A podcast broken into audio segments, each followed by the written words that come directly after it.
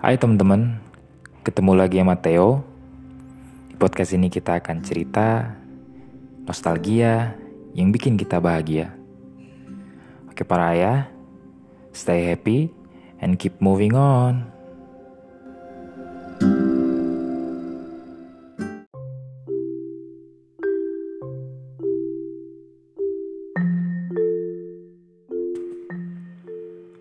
Hai teman-teman, Theo baru balik lagi. Seminggu ini nggak sempet akses ke Anchor maupun ke studio karena bersembuh dari sakit. dan memang pengalaman ini lumayan bikin kaget dan was-was juga ya bisa dibilang gitu. Jadi uh, sorry banget nih kalau masih ada serak-serak sedikit dan ini kepaksa ngerekamnya juga pakai masker supaya lebih aman protokol kesehatannya. Jadi di hari Kamis ya, kalau nggak salah dari podcast terakhir itu di pos hari Rabu, Rabu malam mulai kerasa nggak enak badan. Kemudian Kamis pagi ini officially batuk pilek sama meriang, ya kan? Karena tidurnya di tempat ber AC ya zaman sekarang kayaknya udah jarang deh ya kaum urban nih di rumahnya nggak pakai air conditioner. Dan anak-anak kita juga kayaknya udah nggak kuat kalau tidur nggak pakai uh, eh, AC apalagi ada yang balita gitu kan. Sehingga mau nggak mau ya, keadaan tidur dengan udara yang bisa dibilang sejuk ke dingin lah. Nah kalau menuju pilek AC itu benar-benar nggak enak kan jadi begitu bangun pagi, hidung mampet, kepala pening, uh, tenggorokan gatel, gatel aja sih nggak sampai nyeri dan belum batuk memang. Uh, jadi mungkin ada indikasi radang karena saya lucu juga, hampir setiap tahun ini ada satu atau dua kali uh, flu, ya, dan kadang-kadang nggak kelihatan siapa yang nularin gitu. Uh, justru kadang-kadang saya duluan dan di rumah ini yang paling kebal sama penyakit adalah istri saya. Jadi kadang-kadang saya flu, anak saya flu, ya kan, kemudian muter semua, istri saya satu-satunya nggak kena batuk pilek gitu. Jadi dia yang paling capek ngurusin kita kalau kita sakit. Eh, tapi kalau sampai dia yang sakit bisa berepotan banget, eh, ke kerepotan maksudnya gitu kan. Nah, intinya begitu bangun pagi, kerasa batuk pilek, meriang, nggak uh, konsumsi obat langsung konsumsi herbal aja. Uh, kayak misalkan peppermint ya eucalyptus gitu kan. Sehingga uh, kepala jadi lebih ringan hidungnya nggak terlalu apa namanya uh, meler meler tersumbat juga nggak gitu. Masih bisa beraktivitas lah. Dan memutuskan pada saat itu WFH aja walaupun memang jadwalnya uh, harus ngantor Kemudian di hari berikutnya eh, makannya normal, istirahatnya normal, bahkan dibikin lebih teratur, tidurnya lebih panjang, makannya pagi, siang, sore yang biasanya jadwalnya suka nggak beraturan karena sedang sakit dan di rumah otomatis diusahakan uh, teratur. Kemudian tidur siang. Nah, bangun tidur siang yang tadinya meriang atau demamnya udah agak meredah, tiba-tiba kerasa sedikit lebih tinggi lagi walaupun nggak menggigil karena saya pernah ngalamin demam berdarah dan itu adalah demam yang kayaknya paling menggigil dan sakit kepala yang paling sakit yang pernah saya rasain. Uh, setelah itu nggak. Jadi sakit kepala paling sakit dan demam paling menggigil adalah ketika saya demam berdarah. Menurut saya sih seperti itu ya mudah-mudahan nggak ada penyakit lain yang lebih parah dari itu. Ya, pada saat itu sih demamnya nggak terlalu tinggi gitu kan. Tapi penasaran juga kenapa setelah demamnya turun malah ada peningkatan lagi terasa badan tidak nyaman kemudian agak sedikit dingin pada saat itu udara dan uh, istri bilang memang uh, lagi agak hangat. Kemudian saya bilang sama istri uh, mau pakai kayu putih dong gitu kita orang Indonesia selalu larinya ke minyak gitu ya. Mau minyak cap kapak minyak uh, kayu putih terus minyak encok segalanya gitu. Minyak gosok minyak urut. Akhirnya saya minta minyak kayu putih. Saya bilang sama istri ini merek apa sih? Kok kayak hambar gitu loh. Walaupun nggak dijilat nggak. Terus istri bilang biasa itu apa namanya minyak kayu putih merek ini. Pas saya cium sangat sangat plain. Dia bilang waduh kayu putih ini nggak ada aromanya. Makanya saya bilang di badan sih kerasa tapi kan e, biasanya kalau kita pakai minyak kayu putih ada ada rasa feeling nyaman kan ke hidung atau kalau kita lagi dalam keadaan sehat bahkan mata agak-agak perih gitu. Bah, makanya anak-anak banyak yang nggak nyaman pakai uh, kayu putih. Tapi itu plain banget. Dan begitu dicium sampai dideketin itu kayu putih ke hidung bahkan hampir ditempel nggak ada baunya sama sekali. Aromanya nggak ada sama sekali. Kemudian karena Theo khawatir Theo ambil minyak peppermint yang wanginya lebih kuat. Ya minyak peppermint itu kalau berani coba-coba satu tetes diisep langsung atau tempelin ke hidung nggak akan ada yang mampu. Bener-bener yang pedes banget di hidung sama di mata. Dan sama botol peppermint ditempelin diirup nggak ada efek apa-apa. Aromanya plain banget. Masih nggak mau nyerah akhirnya Theo karena suka uh, koleksi minyak wangi saya ambil.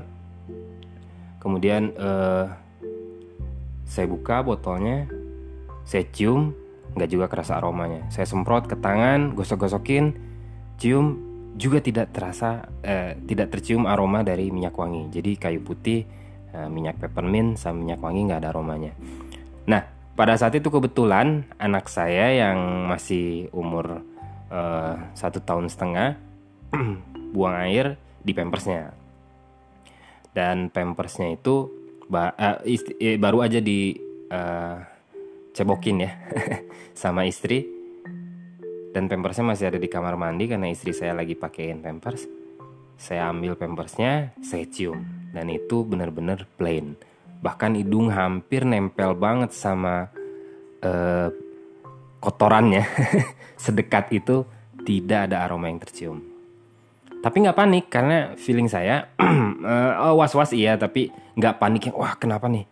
Uh, karena feeling saya saya ngerasa pileknya nggak terlalu berat batuknya tidak terlalu sakit gitu ya. Memang tidak sakit batuknya dan meriangnya pun tidak tinggi. Cuman pada saat itu inisiatif langsung kontak kantor saya minta saya mungkin diminta jadwal FH aja selama uh, eh, 14 hari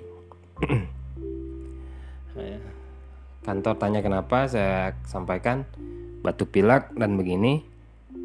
Dan saya jujur tidak bisa cium. Akhirnya fasilitas dari kantor dikasih saya langsung tes swab. Karena menurut dokter uh, yang berafiliasi dengan kantor pada saat itu kalau sampai saya rapid test dulu pasti reaktif katanya. Karena keadaan saya sedang sakit sedang ada bakteri sedang ada virus yaitu sedang batuk pilek jadi lebih baik langsung swab. Akhirnya pada saat itu hari Jumat sore kan, uh, hari kedua saya batuk pilek. Jumat eh, Sabtu paginya saya di swab. Nah pada saat saya bilang sama istri di hari Jumat itu sore sampai kotoran anak aja nggak kecium, istri saya khawatir memang, waduh takut kenapa-napa nih. Uh, tapi dengar informasi dari relatif dari keluarga, coba makan, saya coba makan madu nasi pakai kecap itu kerasa manis makan yang asin kerasa asin. Akhirnya istri saya kasih uh, minyak eukaliptus yang pure esensial itu. Dia kasih 10 tetes masukin ke tablet ya masukin ke kapsul itu. Saya minum. Uh, ada efeknya yaitu badan jadi keringetan sehingga paling tidak meriang saya hilang ya. Yang tadi saya tambahkan kalau demam saya nggak tinggi tapi meriang saya hilang. Kemudian baru bisa istirahat menunggu tes swab besok paginya. Saat menuju tes swab ya makan normal minum vitamin C normal saya nggak minum obat cuman herbal aja kayu putih peppermint dan lain-lain. Uh, begitu pagi mau tes swab saya bangun tidur saya bilang sama istri bau kotoran kucing nih kan di rumah kan ada kucing tujuh ekor. Ternyata itu duluan yang kecium oh iya belum dibersihin pasirnya. Dari situ saya bersyukur puji Tuhan ternyata ciuman saya pen, aroma penciuman saya udah kembali. Nah, dari situ ngerasa bahwa ah kayaknya nggak akan ada apa-apa. Tapi akhirnya dijalani juga tes swab. Dan tes swab itu banyak yang tanya gitu tes swab rasanya gimana sih? Eh nggak nyaman sakit mengerikan atau gimana? Eh, saya boleh bilang tidak nyaman aja tes swab pertama itu PCR dan swab diambil lendir dari tenggorokan karena dikhawatirkan virus coronanya ada di situ kan. Eh, saya buka mulut keluarin lidah dan dengan cotton bud yang panjang itu yang saya nggak tahu yang dicampur dengan cairan mungkin untuk uji labnya uji forensiknya di apa di cotton budnya itu dicolek-colekin di apa gosok-gosokin ke eh, kerongkongan kita bisa dibilang yang pinggiran bagian amandelnya itu ya. Jadi nggak dicolok ke dalam gitu nggak tapi yang bagian pinggirannya. Dan itu langsung men-trigger kita perasaan mau muntah ya kayak gitu aja. Gimana sih kayak kita masukin jari kalau misalkan harus muntahin makanan atau sesuatu ya itu pun begitu dicolek sehingga kita ada feeling kayak mau muntah gitu. Nah kedua kalinya yang hid, eh, eh, penguji labnya saya bilang oh, mohon maaf ya pak katanya. Kalau nggak nyaman ya nggak apa-apa memang harusnya begitu. Kemudian yang hidung dia sampaikan bahwa saya akan masukkan ini sampai mentok katanya. Kemudian saya pilin sedikit diputer-puter gitu ya eh, cotton baru saya tarik ke atas ya. Eh, paling lama makan waktu 5 detik lah pak gitu. Oke saya bilang akhirnya saya nenggak juga dimasukin lewat hidung sampai mentok. Itu saya tahan rasa nggak nyaman itu. Ya pas cotton bud itu mentok kemudian diputer-puter nggak nyamannya itu adalah kita nggak kuat pengen bersin. Ya bukan sakit nyeri enek bukan. Tapi nggak tahan pengen bersin. Begitu ditarik langsung bersin tiga kali. Wah bersin tiga kali. Nah itu aja sih PCR swab itu. Nggak terlalu yang mengerikan gimana. Eh, apalagi kalau kita masih dalam keadaan fit ya sebetulnya. Dan yang nguji itu bilang pak saya sih feeling saya bapak negatif ya. Saya bilang ya amin mudah-mudahan seperti itu. Gitu jangan sampai nggak mau kita positif. Ah, Sabtu pagi kemudian Minggu malam sudah keluar hasil ujinya ternyata negatif. Tapi kantor bilang saya diputuskan selama karena habis itu kan langsung 17-an ya saya diputuskan untuk tetap di rumah WFH sampai hari ini saya baru balik lagi kantor kemarin masih WFH tapi selama WFH ini memang eh, flu-nya masih berjalan satu minggu. Ah, lumayan lama mungkin karena imun saya lagi lemah ah, saya terlalu kelelahan. Sempat saya bus juga dengan banyak berjemur dan sepedahan agak jauh.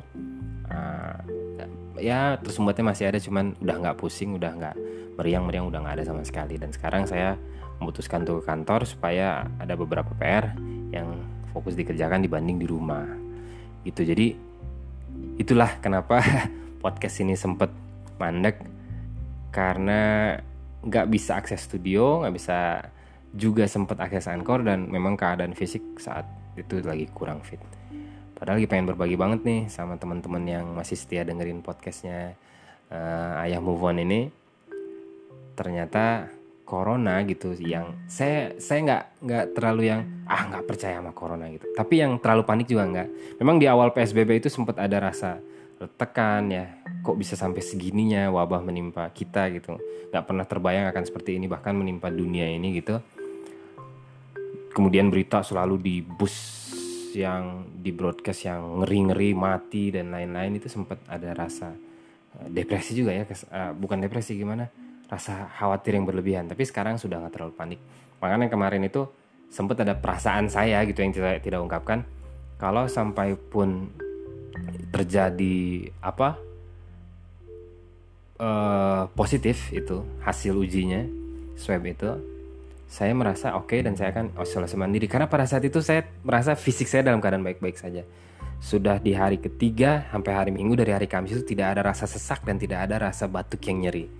Ya hanya batuk pilek biasa cuman khawatirnya karena tiba-tiba hilang bau yang sampai ekstrim seperti itu sampai kotoran anak aja peppermint aja nggak bisa kecium akhirnya terpaksa ngelapor ke kantor dan kantor kasih fasilitas swab. Kayak gitu.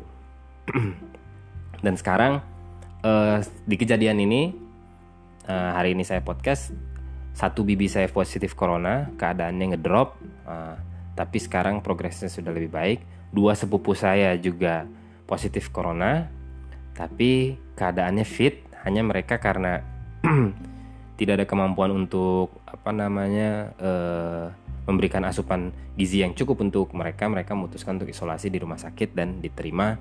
Kemudian dua orang karyawan dari unit kantor saya pun positif plus istri-istrinya juga uh, positif. Nah, eh, dan yang dua karyawan ini memang infonya sudah sejak uh, sebelum saya sakit itu. Jadi ketika saya ngerasa nggak bisa cium saya langsung ingat ke mereka jangan-jangan ketularan atau ada uh, akses dari mana terpapar juga. Tapi alham, uh, alhamdulillah tidak ya. Kayak gitu. Teman-teman jadi corona ini memang ada nyatanya dan bisa jadi menyangkut uh, nyawa untuk beberapa orang yang dalam keadaan lemah baik itu imun maupun memiliki penyakit bawaan. Tapi bisa juga untuk kita yang terpapar tidak merasa apa-apa hanya batuk pilek biasa uh, terlepas kalian percaya atau uh, bagaimana menyikapi corona ini dimohon untuk tetap jaga protokol kesehatan. Tetap pakai masker nggak ada ruginya ya. Kalian bisa pamer wajah kalian di online gantengnya kalian cantiknya kalian tapi kalau ketemu langsung pakai aja maskernya.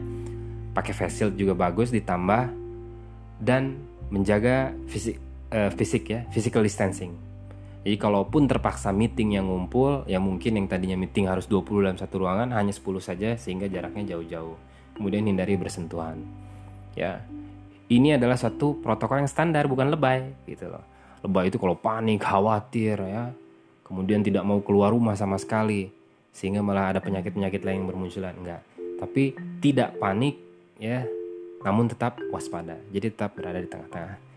Itu aja mungkin teman-teman podcast saya Theo uh, ayah move on kita akan lanjut lagi mudah-mudahan di podcast berikutnya terima kasih yang masih setia dengerin akan ada topik-topik yang menarik untuk kita sebagai ayah untuk kita ngobrol bareng. Oke para ayah, keep moving on.